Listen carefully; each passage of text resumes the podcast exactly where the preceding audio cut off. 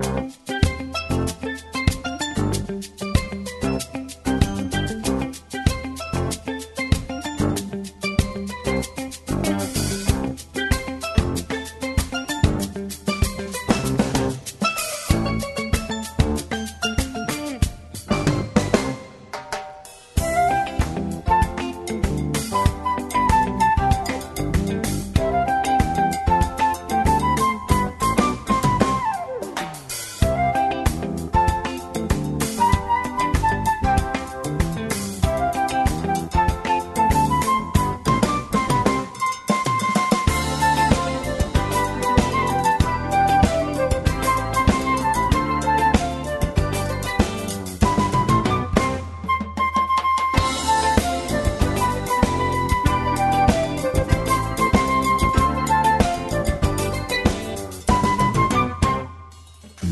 Vær hjertelig velkommen til morgonsending her og Lindeni. Jeg er Henning til tikkere verster, og vi kommer alle om andre tøyma Vi får at høyre gående tonleik, vi får høyre sinter av opplestre, og så får vi til her et avhåverst prat, eisne, til vi ta fra klokkan ja, du kjøler her alai så, så senest at timer, eller knappt til, ja. Og det er Paul Hansen som fer, ja, vi får prata vi, og det er mykje avhåverst. Jeg vet ikke om folk kjenner Paul Hansen, men det er ganske nek som kjenner pappa hans, Willy Hansen, som var i fyrjun. Og i halvfjersen og hei vetsingarmøter, og onker kallar det grøyingarmøter, og ja, vi får høyre synder om det er eisen i alltid. Men uh, jeg hadde vi for å byrja vi at lesa, og uh, hvis vi slå opp av Isaias' kapittel 4 og 44. Atler hese kapitlaner fra Isaias er helt fantastiske rundt om, ja, i fjorden og her. Han sier såleis her, men hør nu, Jakob, tænar møyn og Israel som jeg har vi utvalgt, så sier Herren som skapte det, og ur morløyve mynda i det, han som hjelper der. Øttast ikkje Jakob, tænar møyn, Jesurun som jeg har vi utvalgt, Du, jeg skal hedla vatten iver hitt tista, streimar iver hitt torra.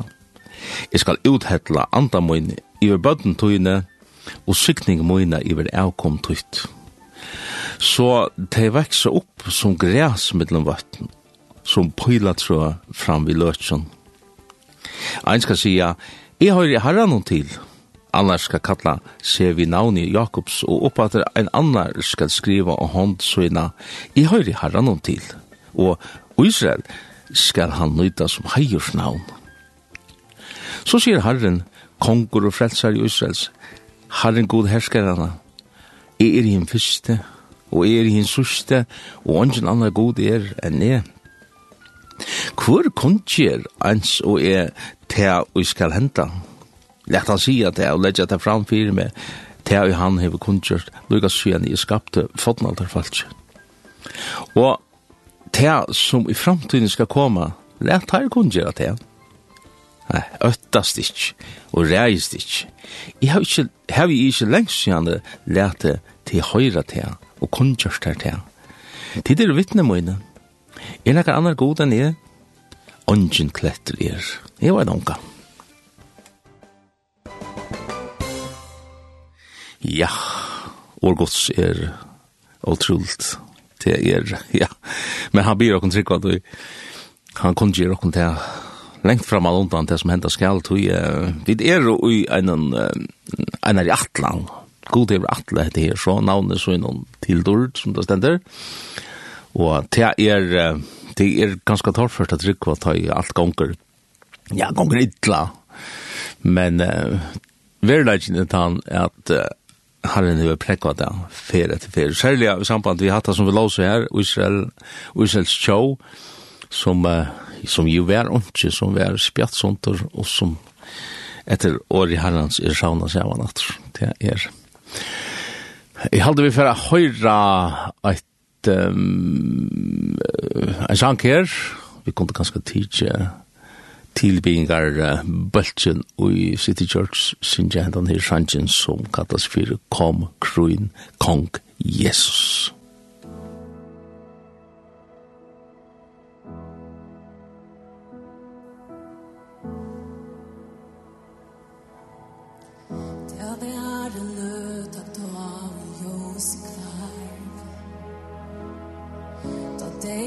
Ciao, ti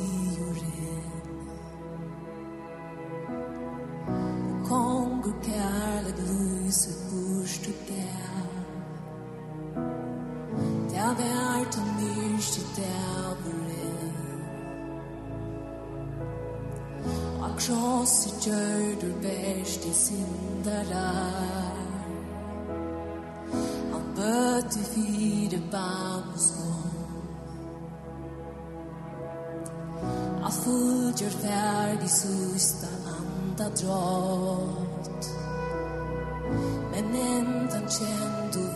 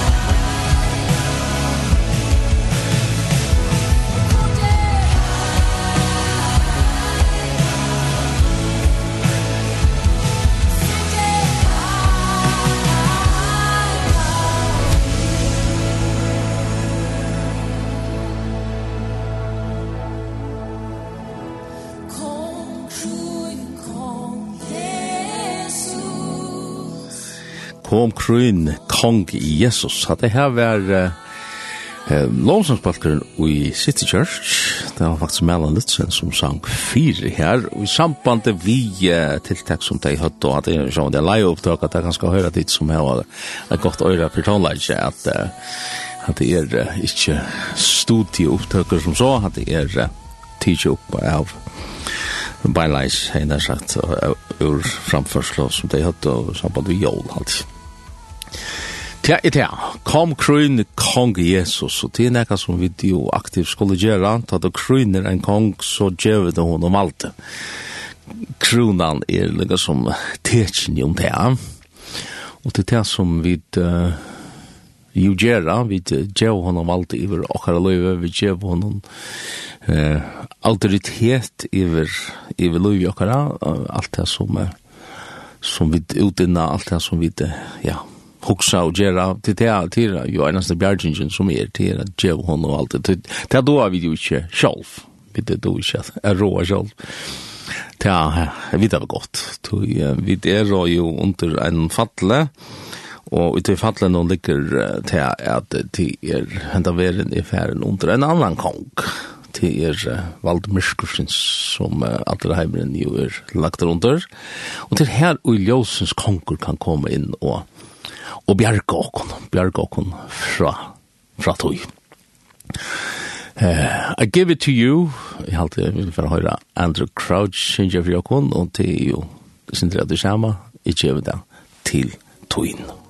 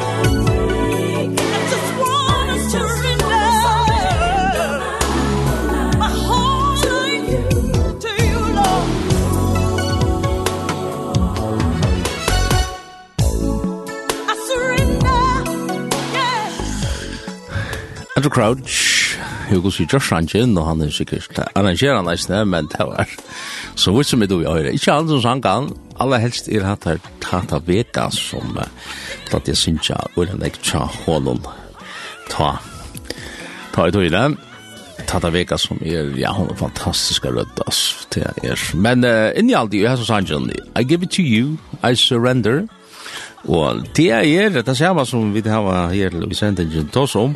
Dette er morgensendingen annars som til lortar etter.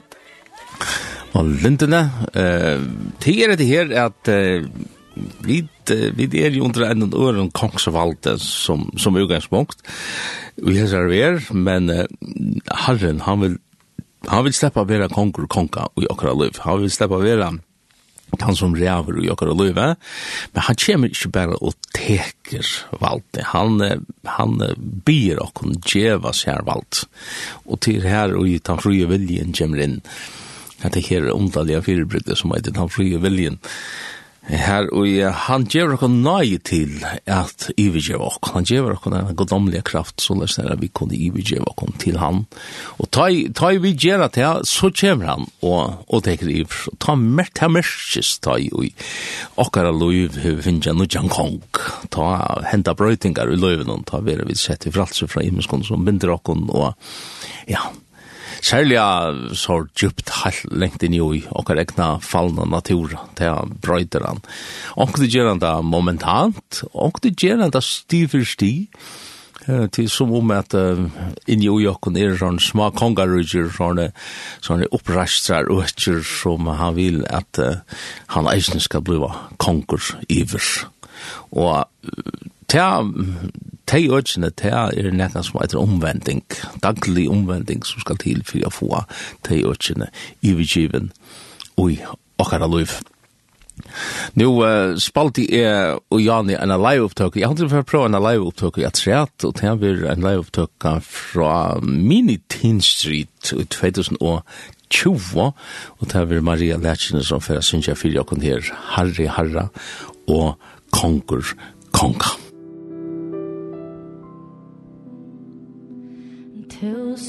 förstår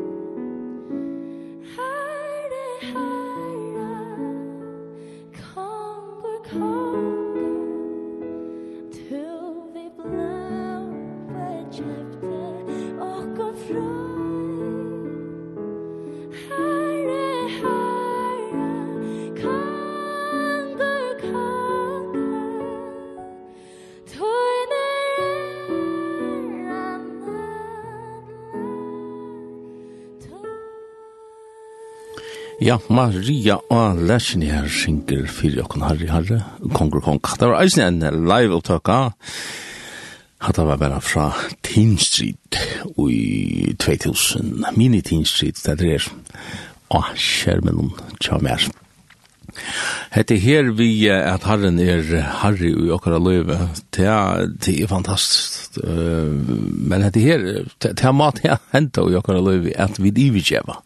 Det er jo en oppreister, som vi satt i Janne, og um, ivitjevingen, hon kan fyrirgenga seg på imenska mat her, mittel anna, det som uh, Keith Green synger her, han har en sang som heter Alter Call, og fyrir så, uh, jeg vet ikke om han brukar det langer, men til til at man bjói fram, til kallar man det enskong fyrir Alter Call, og ja, at man kallar mennesker til omvending, og man gjør det, jeg synes, uthørsel vidt til at man, det som vi kallar for fer fram, typisk av en møte, så, så er det at jeg som sier, kom, kom til Jesus, og til som vilt ivergjøve ditt liv, Og, og ta gjør man en, en, en sånn uthørselig, ja, et uthørselig brekk på et la sti til at i vi gjør oss liv. Vi prøver å høre henne her sannsyn som Keith Green synger, han greier sin derfra fra, fra Malontan. Really how he does it. But he proved himself to me in such a holy way, such a complete way, that I die for that faith, and I die for that belief, because it's more than a belief. He lives in my heart. And that's the only proof. It's the only proof that I can give you. Because he lives in my heart. Those people that knew me before didn't know that I could believe something so strong. The gospel is simply this. Jesus will forgive all your sins if you'll come to him humbly. Humbly lay down at his feet and say, "You're the Lord, and I'll follow you the rest of my life on earth so that I can have the rest of eternity with you and the glory of your Father."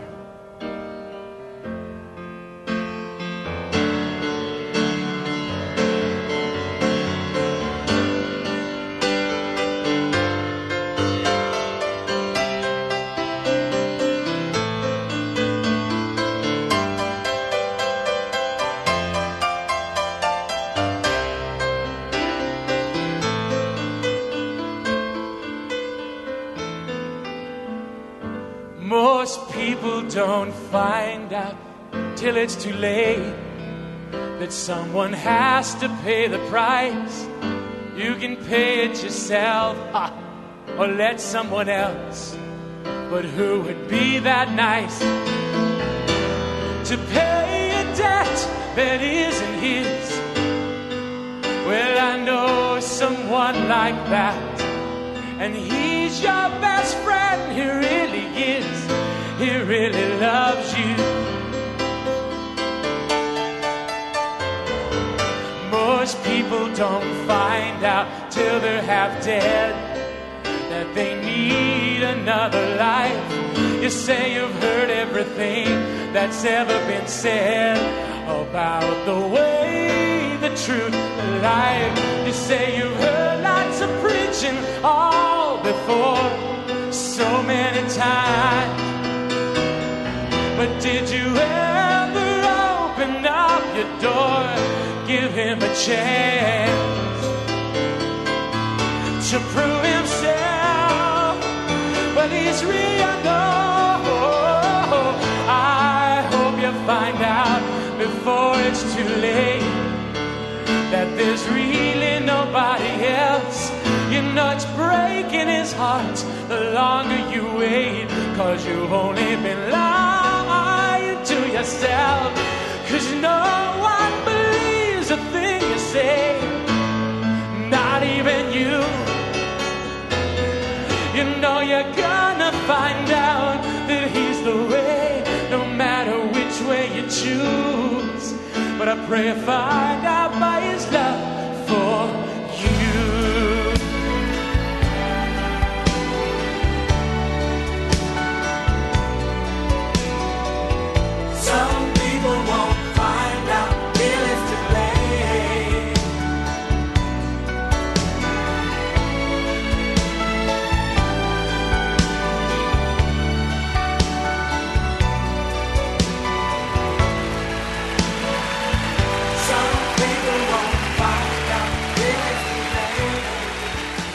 ja, nu kan finnes det for det er for sent, synker, synker han her. Keith Green, og det var jo uh, Ludwig's Live, eisne, jeg har spalt nek, ja, det var ganske da tre live leie som, et la opptidje av konserton leie som jeg har spalt i hessar morgonsendinger som du lortar etter i Edi Henlutsen, og morgonsendinger, hun er etter av bildet langt. Og det som vi nå færa til, det er uh, sitt spesielt, og det er, ja, det var ikke spesielt det er, det er nemlig så sånn her, at jeg har en æra sending her, all enten hun er glede på, og vi tog sendingene har vi haft gester i midten av det, Nekvar av Taimond sendingen et eller annet samrøven som jeg har haft her er og franlivet gåar. Mittel anna hentan her som er at jeg får spela for det nu. Hette her er nemlig Paul Hansen som uh, er i vi her i 2018. Og jeg vet ikke om du har hørt dette før, kanskje aller helst ikke. Men uh, ja, fer og velja setter tog av til at lortet etter snir tog her i godkotten, og man har godkotten fra Paul Hansen. Jeg vet ikke om du kjenner Paul Hansen, han er... Uh, Han eh, bor i Farjon i Holfemsen, eh, her og i, eh, han var fyrstå med over og kjørt forskjellig andre eisene.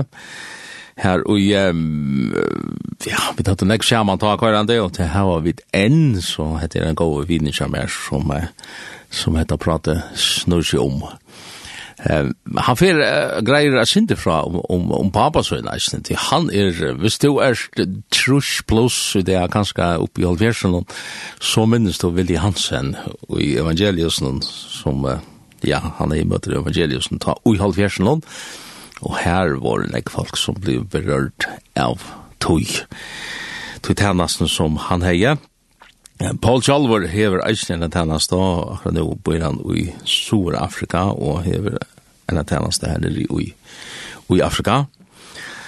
Jeg var og vi tjei og er ferdig atter, og det er, det tog dette her, akkurat som ligger mer, sérstaklega nær av hjarta.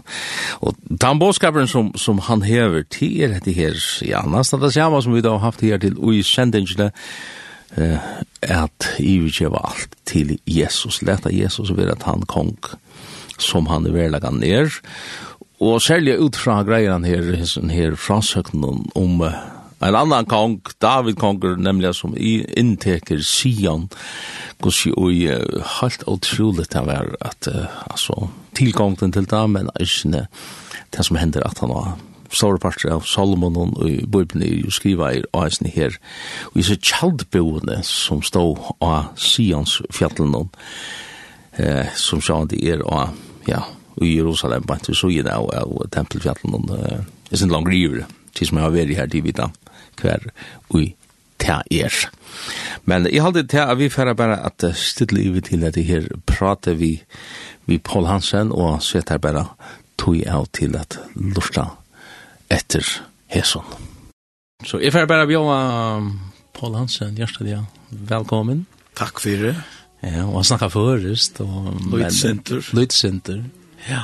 Det er så løs nære Paul Hansen, og jeg vet det var kjenst hva en annen, det siste, og tre årene kanskje, nei, 25 år. Ja. Ja, 25 år kanskje. Du, ja, du bor i fargen enn affær, for Jo. noen år siden. Ja.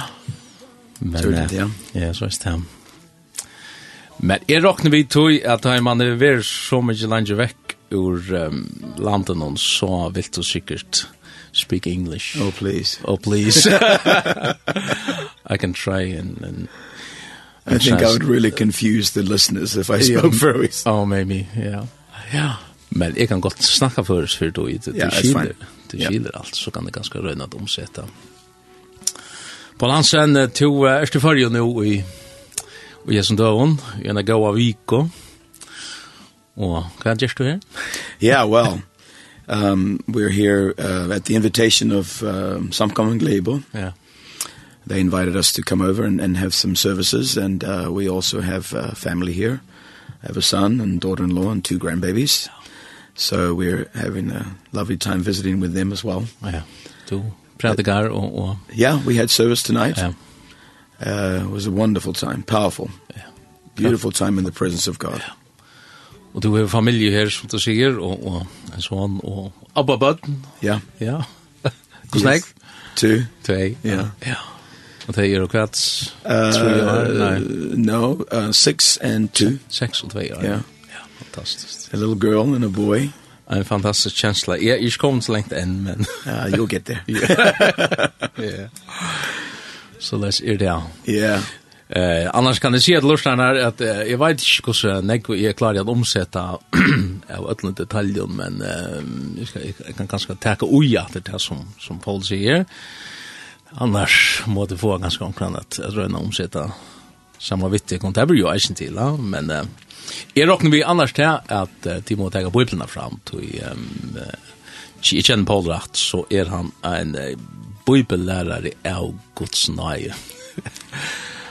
og tætsi tikkum bara bøyblina fram og papir og blyant og notera nyer og, og gjer som teg i berua teg for og, og granska og at han om det nu vær så leisnær som, som det blei sagt. Og det er alltid godt å gjøre det til det er det Hva tås er det om i noen i det?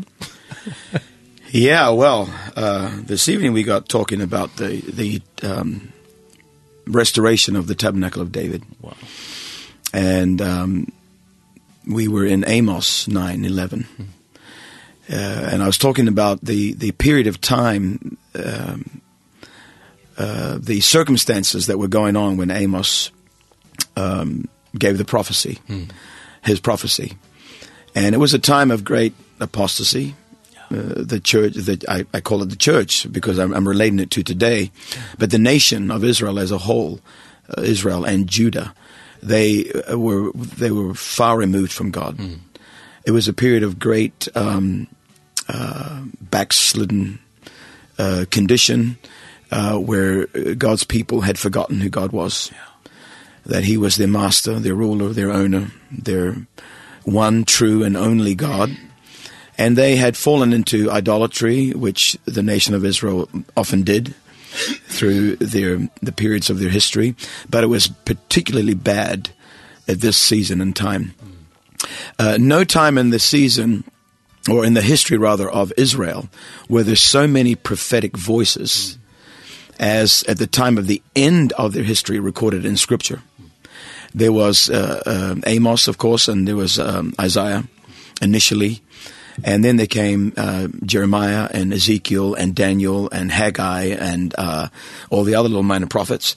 They were all uh, around about the same time, just prior, during, and after the Assyrian um, uh, um, exile and the Babylonian captivity the Syrian exile of Israel and the Babylonian captivity of Judah. Alltså det som du tar om er, er um, stövan tja, Israels tja under borsterflyttingene til, til Babylon og, ja. og til.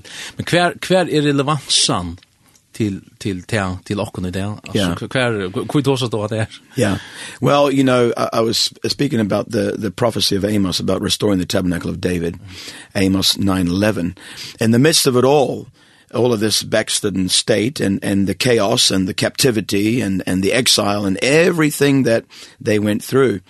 Uh, he prophesied that in the end times there would be risen a, a, the tabernacle of David would raise again out of the ruins. The tabernacle being um, a place of presence, a place of 24-7 worship, yeah. Uh, David made 4,000 instruments, 288 singers that worshiped God 24 hours a day, 365 days a year mm. for 40 years. And it created a place of, of presence. And God said in the last days, he's going to restore that again to his church. I was, I'm relating it to today because I see the church, the body of Christ in general in the same condition. Wow. I see a, a very lukewarm, which is it's uh you know uh, recorded. It's it prophesied it would be that way in in the end times. But it's also prophesied that there would come a great awakening. The 10 virgins must wake up. And even though they were all sleeping uh, there was a voice that awakened them and and and caused them to be roused and so um i believe we are in that season where there is a voice. There is um the move of the spirit of god going out into the world and touching people's hearts and causing a stirring. And and some people don't know what that stirring is. They don't really know what they're feeling. Mm. But they they're sensing a new hunger. Yeah. A hunger for God that they have not known before and maybe they did know it before. But they've lost it. And it's like it was with the children of Israel when when they were taken into captivity because of their condition, they sat there in in Babylon unable to respond mm. to people's call to sing the songs of Zion. Why don't you sing the songs of Zion? They said to them. Because we're in Zion there by the rivers, rivers of, of Babylon, Babylon yeah. where we said, at the first Solomon. Huh? Exactly. It's yeah, from yeah. the Psalms. And yeah, they, yeah. they sat down and, and they wept yeah. when they remembered yeah, Zion. We yeah. yeah and that they wept and and it, it says in the psalms to zion it was but a dream so zion is the inheritance of god's people it's the it's the ultimate it is it is the place of being saved to the uttermost it is the great high calling there's no greater place to go than to zion in our spiritual lives. Og at det her, altså det er en langsel som ligger i ökon etter omkron. Ja. Altså, I think At det setter år och Absolutely. Yeah. I think any sincere uh, child of God yeah. has felt a longing for more. Yeah. A longing for more than what they have, what they know, what they've experienced. They crave for something, but they're not quite sure what it is. And, and, uh, in, in my opinion and my, in my, uh, um, experience, it is the presence of God. We long for the presence of God. But the, the question is, you know, what do we do about it? Yeah. Det var ju så nek snack om om om att det är vi nerver herran så fulla nerver herran så ja och ofta upplever man det som att ja men så så så skärpar man en omstå och och, och flotta musik och och ja och ljus och rök och vad det för för att räna på well you know I, i think the churches today because uh, in, uh, generally speaking, and I, I can't speak for everybody, but generally speaking, my wife and I have traveled a lot. We, we've been to a lot of churches around the world. We've been to 73 countries. So that lets you know we have seen a lot. And generally speaking, I would say that the body of Christ is is quite dead. And and because of that, we have to go to create an atmosphere because we don't have the atmosphere. We've got to create the lights, we've got to create the smoke. We've got to create the music. We've got to create the dance. We've got to create all these things to entertain the people, to fill up the void that people have actually a void that's there for God. Wow. But so we do all this other stuff. I, I call them Christian gymnastics, you know, to try to bring about the presence of the Lord and maybe not even so much the presence of the Lord, but to create an atmosphere where the people can come in and feel relaxed and at home. And, and uh, we have made churches that we call user friendly. Yeah I don't believe in creating a church that's user friendly. I believe God wants us to create a church that is full of the conviction of the Holy Ghost. Where the where where people can come in, where the sinner can come in, or where the saint can come in and feel the pricks and the gouges of the Spirit of God convicting the hearts of wrong, of sin, of immorality, of all the things that have crept in and taken over the church today. Det er ganske til akkurat som manglar, hvis man hikker etter, etter bæg samkomløvnen og, og ja, frafattelig som, som, som er sånn ekon nettopp på grunn av synden, altså, at, at, at, at man blir drien ut i esa ver, og, og, og man gånger mellan mitten alltså. Well sin has been tolerated in the church. Yeah. And th this was the problem with the with the church of Thyatira. Mm. The church of Thyatira was the church that was the fourth church in in the book of Revelation, yeah. the fourth of the seven churches. Yeah. And and that church uh their problem was that they allowed Jezebel. Wow. They allowed, they tolerated that spirit. They knew that Jezebel was wrong and that spirit was wrong, that dominating, carnal, worldly, fleshly, uh, dominating spirit mm. that was among them, but they tolerated it. Wow. And that's what Jesus said, I've got something against you. Yeah. And there were three churches that he said, I've got something against you. Yeah. And Thyatira was one of them.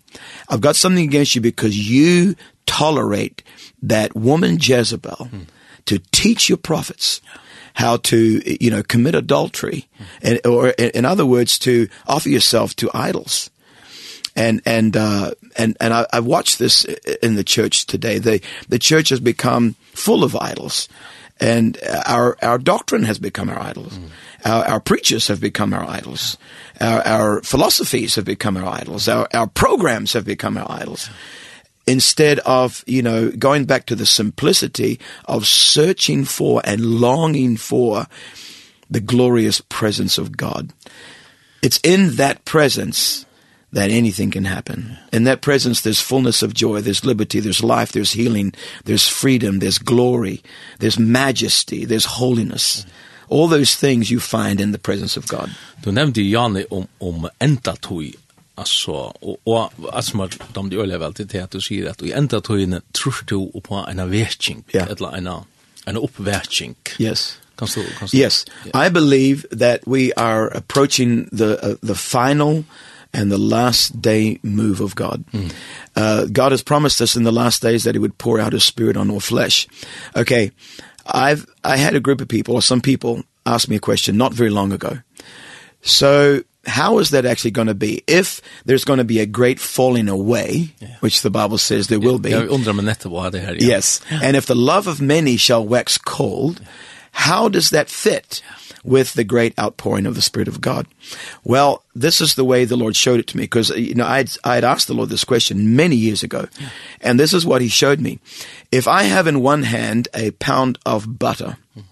i have in another hand a pound of clay mm and the sun, one sun, rises on both of them.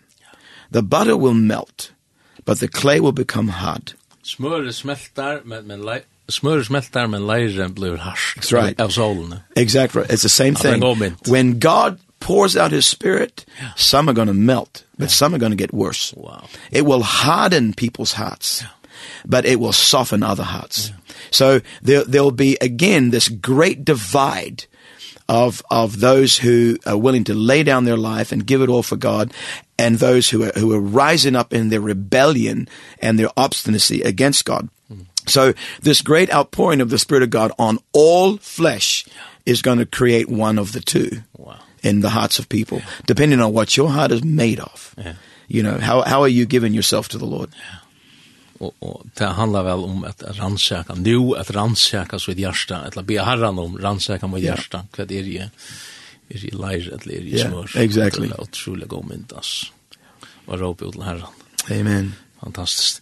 jeg, jeg glemte faktisk at du Janne og det är en introduktion som kanskje vi ikke snakker sånn jeg om Bayer. Jag vet at, att det er nekre lustar som lustar i dessa sändningarna som ganska er och i en alderspalt fra som uh, var ung i halvfjersen og de kjente pappa din. Ja.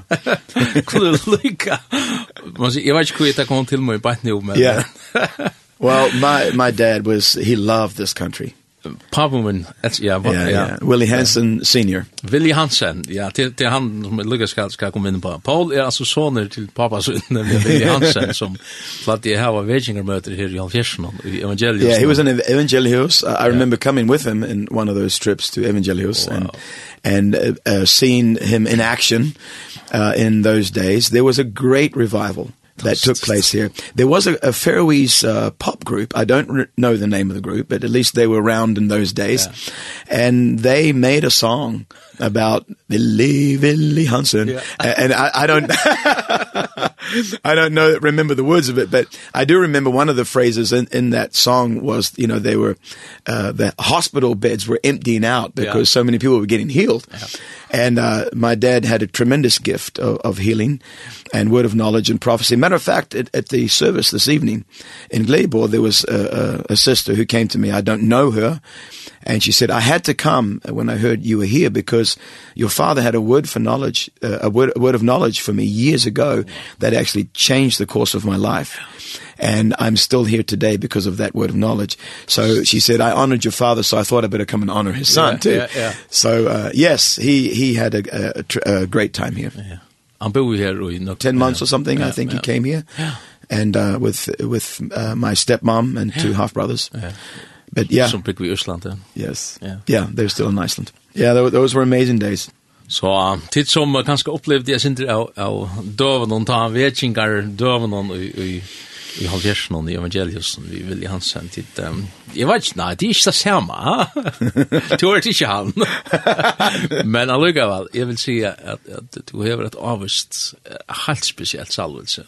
Thank you. Særlig og i året gods, men eisne og i deliverance, altså utfrøyngar tennast og, yeah. og, og, og grøying og sånt, men um, det var ikke akkurat han da vi i atle er ferdig og alt, men vi kan lukka nevna det og vi får bo i farsen Men det kommer väl av att att ta man livet, att EU ger till Herren. Ja, yeah, amen.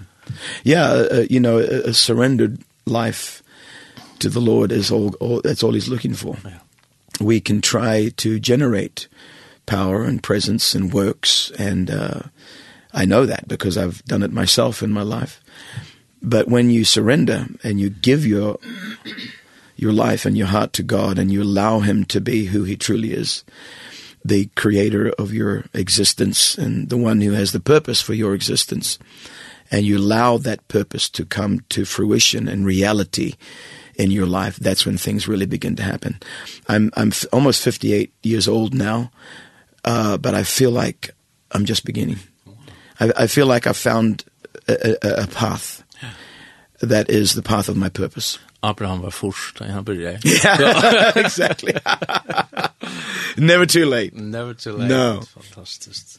Du sier det her at, at purpose, altså tror du er god hever enn en, et endamal vi løyven i tjokkvarn einstokken? Oh, ja. Det var vi ødel at det her, at det kattelig. Absolutely. Uh, every person born in this world is born with purpose.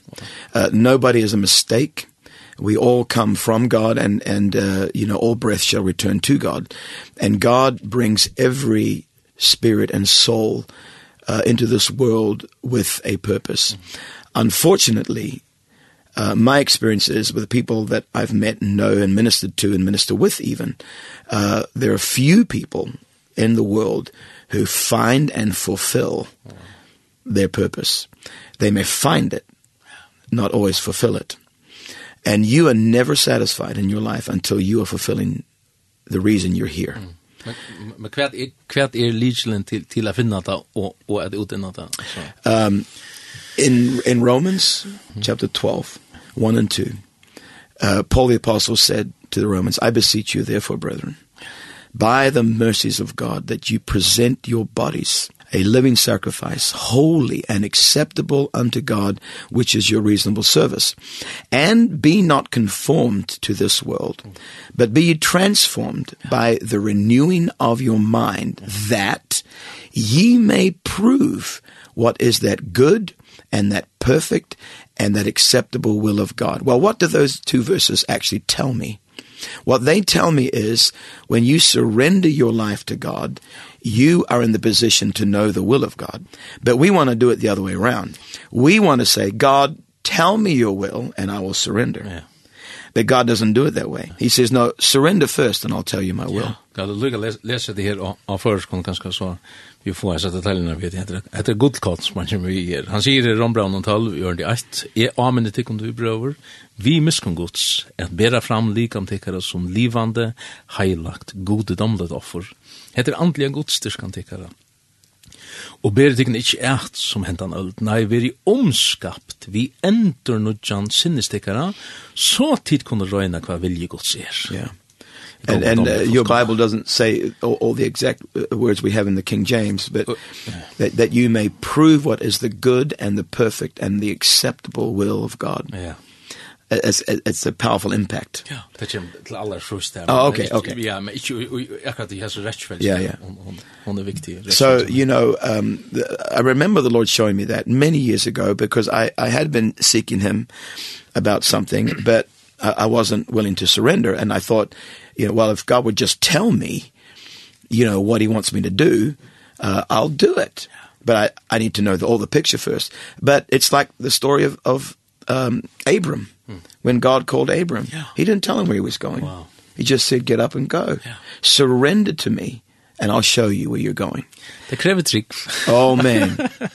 The, every step of the way wow. with God is faith. It starts with faith, it continues with faith, yeah. and it ends with faith. That's why he is the author and he's the finisher yeah. of my faith. Yeah. Wow, that is lot. What a beautiful name. Du valgte en sang, Janne. Yes. Hvor synger han her? Her stender Hillsongs Worship. Hvor vil du en sånn sang? I just love his name. Yeah.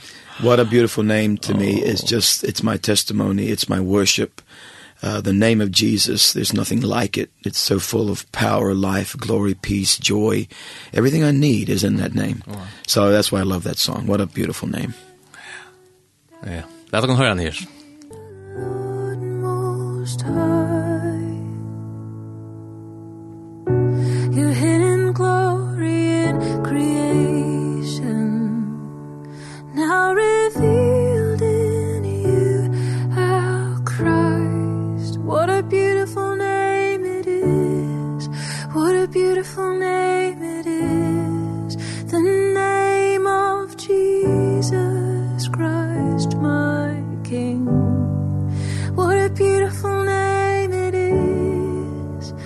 nothing compares to this.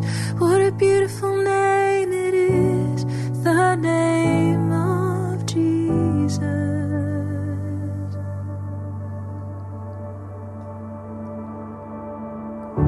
You didn't want heaven without us. So Jesus, you brought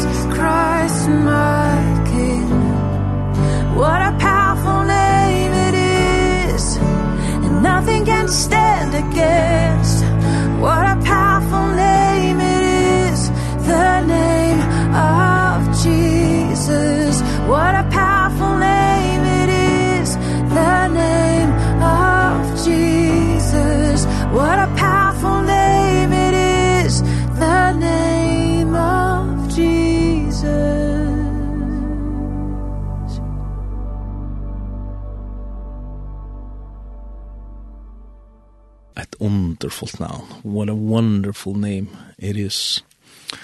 Fantastiske sanger, eisne. Og tid som akkurat her var åpna fyrir utvarpsluften, tid lorta etter Gleibo, her anlentene, i er i Hein Lutzen. Og vi der var en gest, så det som vi da var prata om den, om den varna halva tøyman, Paul Hansen. Du er til den. I'm so here, yes. ja. Vi då snackar fantastiskt och gott som om ja utifrån utifrån Amos här du nämnde om det här tabernakle, Tabernakel Davids yeah. här han tosar om. Och, och det som har det så öliga väl det var det du tosar om att att det här relaterar sig till det hotet som du tosar om av senaste döven. Ja. Alltså, och, och, och är vi där alltså? Ja, yeah, we're there uh, we are definitely in the end times. So there, there's, there's, no, there's no question in my mind. When you uh, see the prophetic words uh, being fulfilled before our very eyes as far as, you know, both the ecological world, the financial world, the political world, all of these stages are being set for the final day. And and uh they're just getting closer and closer to the Lord's coming and but you know that's all very good and well. We can look at all those signs and, and get all hyped up about it. But for me, the great thing about the end times is seeing what God has yet to do. Mm. What God has promised he would do. Well, one of the thing, one of the two major things that I am expecting and that is that he said in the last days he would restore again the spirit of Elijah. Wow in the world and I don't believe it's going to be on one man. I believe it's going to be a a an anointing that is going to be spread among voices. Kvart in the Bertan. Well, it's a, it's it's a prophetic voice that uh, uh it's a voice of restoration. Yeah. It's a voice of life, it's a voice of healing. Uh it's certainly a voice of power. Yeah. And it's a voice that's going to call God's people back to God. Yeah and and uh that's what Elijah did in in, in his days in, in his day. He Han spurte kvar jag så ju vill jag det vill That's right exactly. Bokstavligen. That's right. Vill jag det tärna Yeah. And so that's one thing. And then the other thing is the restoration of of David's tabernacle. And uh it's uh, Amos 9:11 is quoted again in in Acts chapter 15 by James yeah. in that great day when the council in Jerusalem came together and James the brother of Jesus who was the pastor in Jerusalem at the time he uh stood up and he quoted Amos 9:11 that in in the last days you know the tabernacle of David would be raised again so that the residue of the gentiles upon whom the name of the Lord was called would be brought in or or the remnant of the Gentiles that had not yet heard or received Jesus Christ that they would be uh, gathered in at, at, at the last hour. Forningen er om vi skulle lese det her først, kan vi få alle årene vi. Han sier her nemlig i Apostlesøvne 15 fra, fra ørende 15, det er samband vi at det er som om hetningene der om det skulle bliva jøder eller omkjøres alt det. Men, men så sverar Jakob her, vi hettar ørende 15, vi hettar samsvære år profetene som skriver er, etter hetta skal det komme atter, og ender reisa fallno Tjalbo Davids. Ja, tofter henne skal det bygge opp, og reise henne opp atter. Fyre at lavden av menneskjon skal søtja herran. Atler hetningar som navn mot er nevnt iver, sier Herren som ger hettar. Yeah, so that's powerful. Wow. Those words are so powerful. I just yeah. get, you know, get chills all over me when you read them and uh, they're they're just so packed yeah. with dynamic truth. Uh, you know that the Gentiles whom my name has been called over the people whom God has has chosen already, called and chosen from eternity past, they have not been reached yet. This tabernacle must be raised up in the end time for the end time gathering to come in. So we have yet to see that. And the tabernacle of, of David was such a phenomenal place. Just for to give the listeners a little bit of a, a history in the days of Eli the priest uh the ark of God was in the tabernacle of Moses in Shiloh and his sons were backslidden they were basically heathens mm. but they wanted to win a battle against the Philistines so they took the ark they went to to fight thinking you know if we have the presence of God with us, we can't lose. Yeah. In other words, they abused the presence and the authority of God. They, they misused it. Hello. exactly same thing going on. The church has done the very same thing. Abused wow. the power, the presence, the glory, the gifts, the Spirit of God. Abused them for their own gain so that they can become something. They can become famous, wealthy, great, big churches, wow. yeah, yeah, yeah. And so it didn't work. The Philistines took the ark, took it to their put it in their um uh, temple of Dagon. Anyway, make a long story short, Dagon fell down before the ark of God, even an idol falls down before God. Oh, wow. And they send it back to Israel, and for 70 almost 70 years the ark of God remains in the house of of of Abinadab. All the 40 years of the reign of King Saul, there was no presence. Mm. There was the tabernacle of Moses, it functioned. Mm. They did all the feasts, they did all the ceremonies, they did all the relig religious activities. But you see, that to me is a picture of the church today. Yeah. All the religious activities still go on. Yeah. We have our Sunday morning, we have a Sunday night, we have a Wednesday prayer meeting, we have our programs, we have our youth, we have our sing song, we have our worship, we have we have everything going on, but no ark. There's no presence. yeah. It's somewhere on the hillside. Oh. There in Gibeon, yeah. you know, with or Gibeah with uh, with Abinadab. Yeah. Well, not until David comes along all those years later and he says, you know, people, we got to do something about this. And he gets the vision of establishing a a temple or or a tabernacle, a tent right on the midst of Mount Zion where God said, that's where I want to dwell. That's where I want to put my name. And he brings the ark back uh to the people of God and establishes you know 24 hours of worship unto the Lord. God's people have got to come back to the place where his church is his throne room. Mm. Where he sits in the midst of his people as God. Where he is the God of his own house. Where where where when we go to the house of the Lord or live our lives because we are the temple of of God. Mm. That we are are seeking to ask him what do you want? How do you want this service? How do you want us to conduct ourselves? How do you want us to live our lives? Kan man bliva så so så, så, så idøtjeliga? Altså, oh, absolutely. Those who are led by the Spirit of God are the sons of God. Wow. They are the ones who are chosen to walk that sonship journey. Yeah. And God wants a people who are led by his spirit, live in his spirit. I'm not talking about religious fanatics. No. I'm not talking about people who have their head so high in the cloud, you know, that they're not good for any earthly thing. I'm talking about people who are in this world but not of this world. Yeah.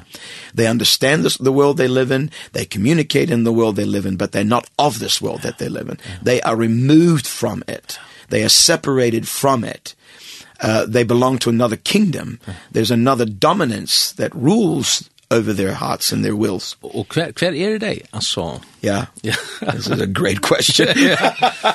Nei, jeg husker at at at at ta du tar på hända matan så lukar som som så så rører det mot hjärta. Ja. Yeah og jeg vil være en såren men men det er vel, det er vel her ute och och ha som känslorna. They are definitely there.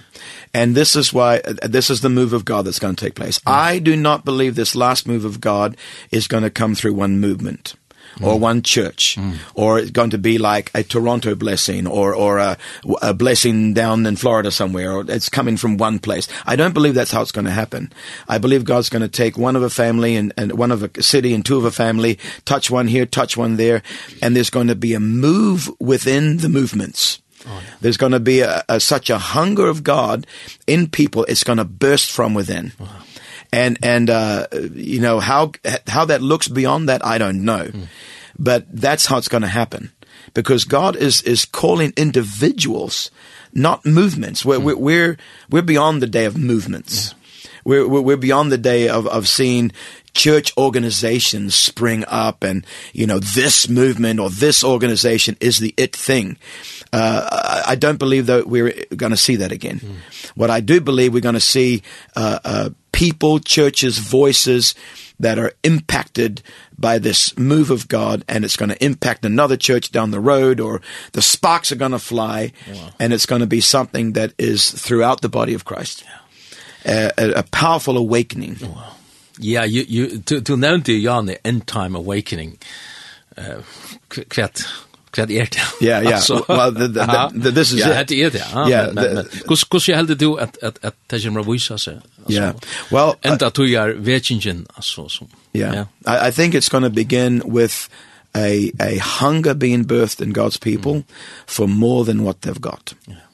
And uh you know when when when we start laying down our carnal ideas of how church should look. Yeah. I I use that word church cautiously because uh, I don't believe the church as we know church is exactly walking where God wants it to be or fulfilling God's purpose. So I use that very very very cautiously. And uh but you know I believe that people are going to start sensing and feeling like okay, something's missing. And I know people are already feeling that. There there there's a it's been it's it's already there. So people are starting to question, okay, what's happened? Where have we gone wrong? There's a scripture. Let me read it for you. Uh, it's in First Chronicles chapter 13 and verse 12. This is this is talking about the day that David tried to bring the ark back mm -hmm. to Zion the first time. He tried to bring it back, but he tried to bring it back the wrong way. He did a wrong a, a good thing. Uh the right thing, but he did it the wrong way. Yeah. And he put the ark of God, brought it out of Abinadab's house, put it on a new cart. Okay. To me, that's that symbolizes the church today. We have created all the new things. Wow. The new this, the new yeah. that, the new oh, we have a new move. Yeah. Well, what's wrong with the old? Yeah. You know, we have a new thing going on. Right. Well, we've got a cart with four wheels and we've put the the presence and the glory of God on that cart and we're trying to bring it back into its rightful place. Yeah. Well, fyrir grunn gruppen 13 gjør det tjei, tar sjette no ørskots av nudjan vagn og foro vi henne ur huset Abinadabs. Right. Ossa og Ayo sturde vagn. Yeah. And then the, the oxen shook, shook the ark of God yeah. and Uzzah, you know, put his, his hand out. Most yeah. people will know the story. Yeah. yeah. yeah. And, and uh, God was very upset because you don't need to help God. Mm. God wants to help you. Yeah. But this is what we do. We think we need to help God. Yeah get his business done. We need to take our hands off of the presence of God and let God's presence be who it is, but not on the new cart. Mm. So then David was very, very upset with God that day. And in verse 12, this is, this has become my theme, my theme in my personal life. Yeah. David was afraid of the Lord that day. And he said, how shall I bring the ark of God home to me? Mm. Wow. What a question. Yeah. Is this not what people are starting to feel? Yeah. We have tried with our programs, with our churches, with our concerts, with our you know whatever we've done. Yeah. Uh, you know with our conferences and with our all sorts of things we've tried to bring the ark of God back and we've tried to stay the ark and hold on to it so it doesn't shake itself and doesn't fall over we need to help God so much and God's like sorry it's not going to happen like that so It's birthed in people's hearts. How shall I bring the ark of God home to me? I ask the Lord this question every day. How shall I bring your presence back? Och vad så? God gave David the answer. And the answer to David was, you have got to get the Levites. My people must become a priesthood. Sanctified. You've got to sanctify the priesthood. The, the, the priesthood are the ones that are set apart unto God. Mm. God's presence is not going to come back carried on the shoulders of sin. Mm. Carries on the shoulders of filth and corruption mm. and, and carnality and wilderness. It's not going to happen. Yeah. Trust me, it will not happen. It is not the will of God. Yeah.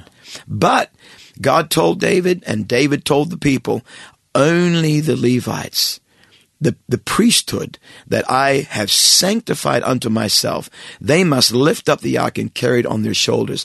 Not until there are people who are raised up, who are willing to be purified and set apart unto God and feel the weight of the presence and the glory of God on their shoulders.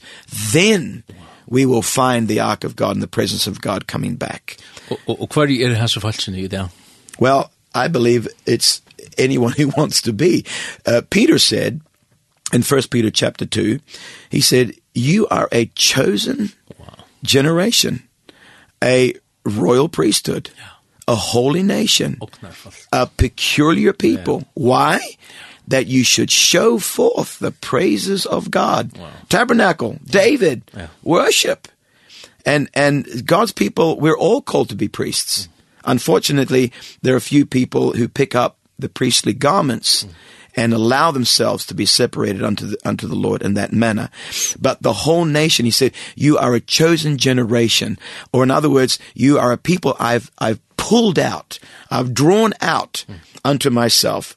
God's people, we are called to be a people of priests, royal priesthood, holy people, peculiar people, you know, a, a, a, a treasure unto God for the purpose of showing forth the praises. In other words, uh, uh, creating a place of presence, creating a habitation for God. I, I love the, the words that um, they sung when they crossed the Red Sea. Mm uh, with Moses, and they came to the other side, and Miriam took a timbrel, and they sang the song of Moses. I will sing unto the Lord, for he has triumphed gloriously. The horse and the rider, he is shot into the sea. Uh, the Lord is my strength and song. He is become my salvation. He is my God.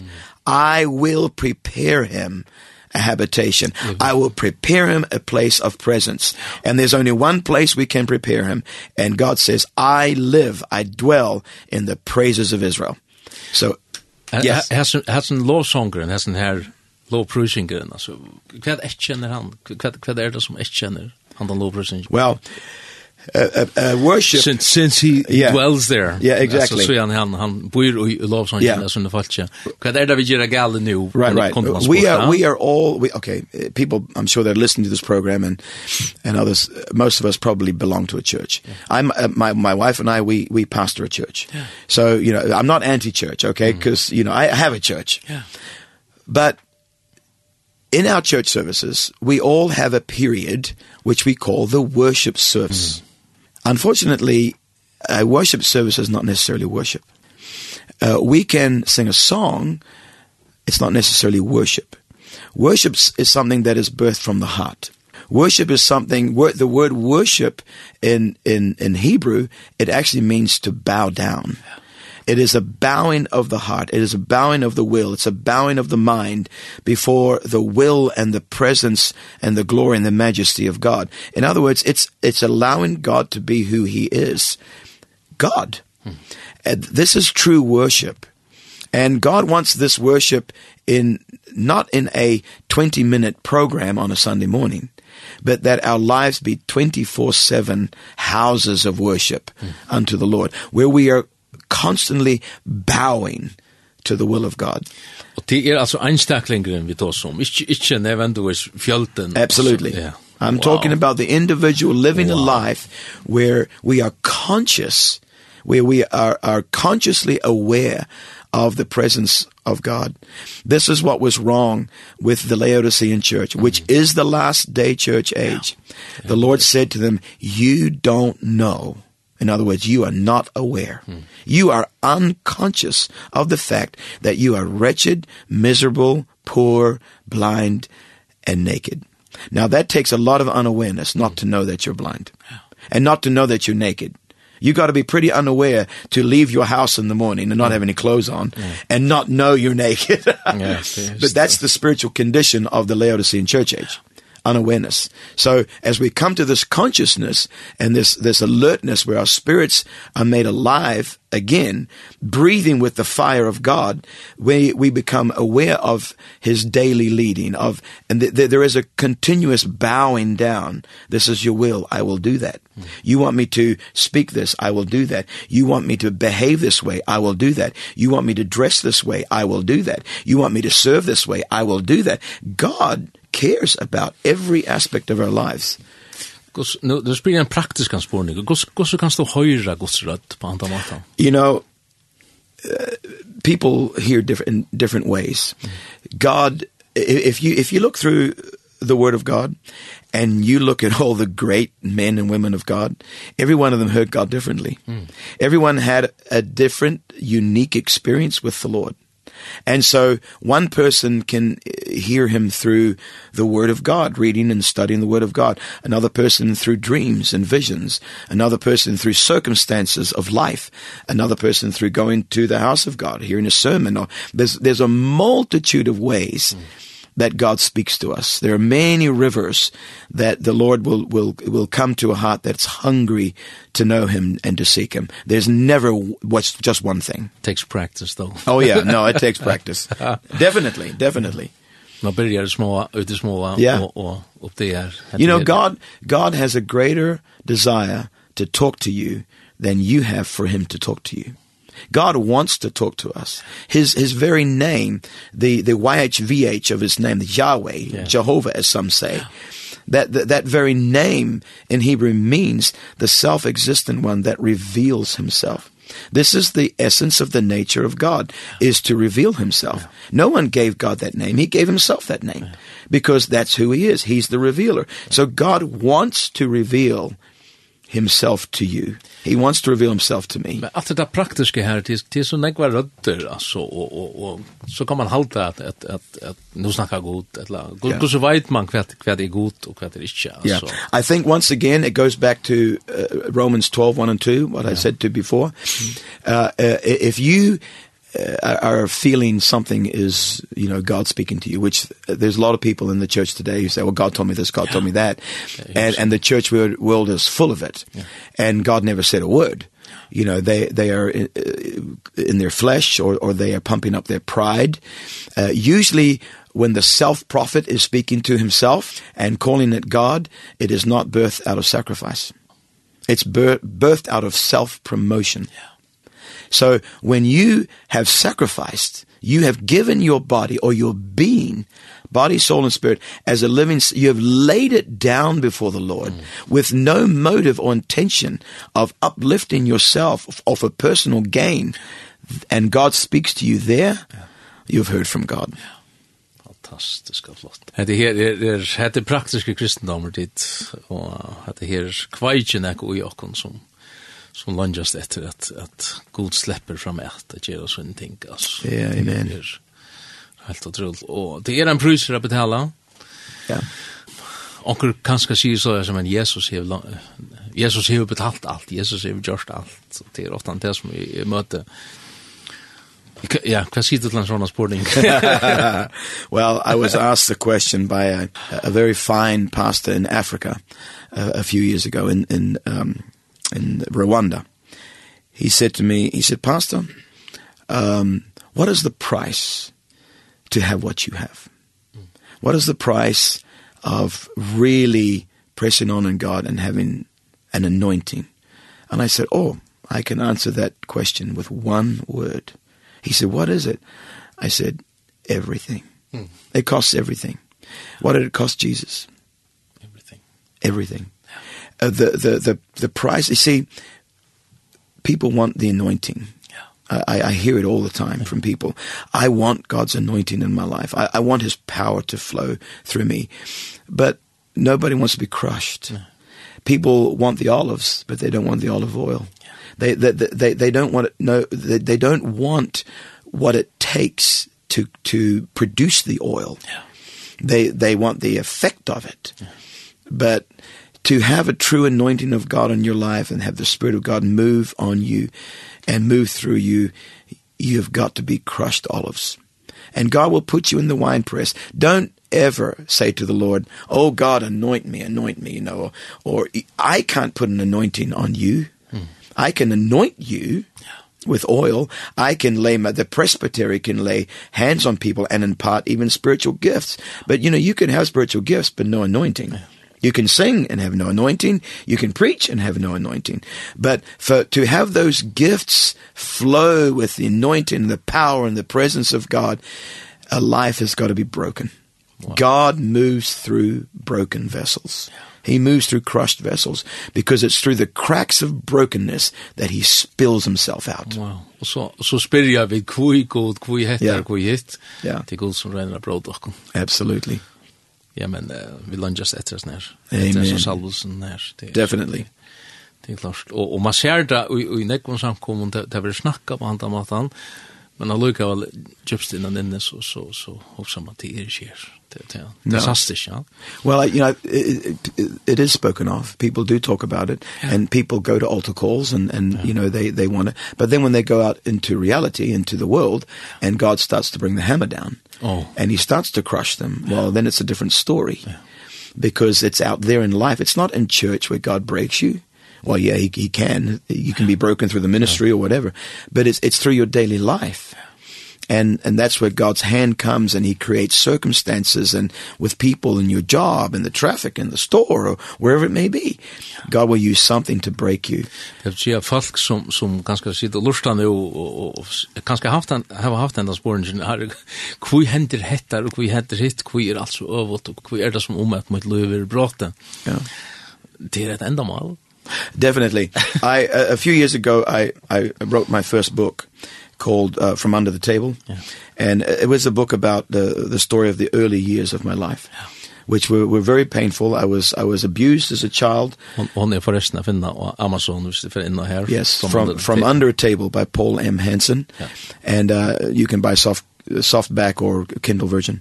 But um Uh, in that book, I, I wrote a chapter on, the, on wounds and scars. There's a difference between a wound and a scar. A scar is something that has happened to you that's been healed. Yeah. The evidence of the, of the experience is there, mm -hmm. but it's healed. Yeah. A wound is something that is, is still open. It is still spilling out something. Yeah. Now, one of two things can happen to wounds. They can be clean uh, as long as the blood is flowing out through them, they remain clean. But if, if the blood stops flowing, they become stagnant and they start to stink. Yeah. I was asking the Lord once about this because I've got still a lot of wounds. I've got wounds from my life yeah. and they've never been healed. And I was asking Lord, you know, when is the healing coming? I, I believe you to heal me. Yeah. And the Lord spoke to me one night and said, I'm never going to heal those wounds. Oh. I will never heal those wounds. And I'm like, that didn't make sense to me. I, and I questioned did I hear that right? Did I feel that right? Why wouldn't God want to heal my wounds? And then I thought of Jesus when he rose from the dead in his resurrected state and he appeared to his disciples. He didn't have scars. He had wounds. Wow. he said to to Thomas here put your fingers in oh, in my wounds that's, that's... and then when the apostle John saw the lamb of God in the future in the heavenlies. Yeah. It was like a land freshly slain. Yeah. There were still wounds yeah. and they were still flowing with blood and with life and with glory. And I, then it made sense to me. God has given me these wounds and as long as he in me hmm. is flowing through my experiences wow. They can go out and reach and touch somebody yeah. but so many times we allow our wounds to become full of of um infection yeah and our words are bitter and we're angry and we're hateful of where we have come from and what we've gone through. So our wounds stink. Well, that was the change for me. I said, okay, God, take my wounds. I want them cleaned up. And everything you have put in me of who you are and what I've learned from who you are flow through those wounds.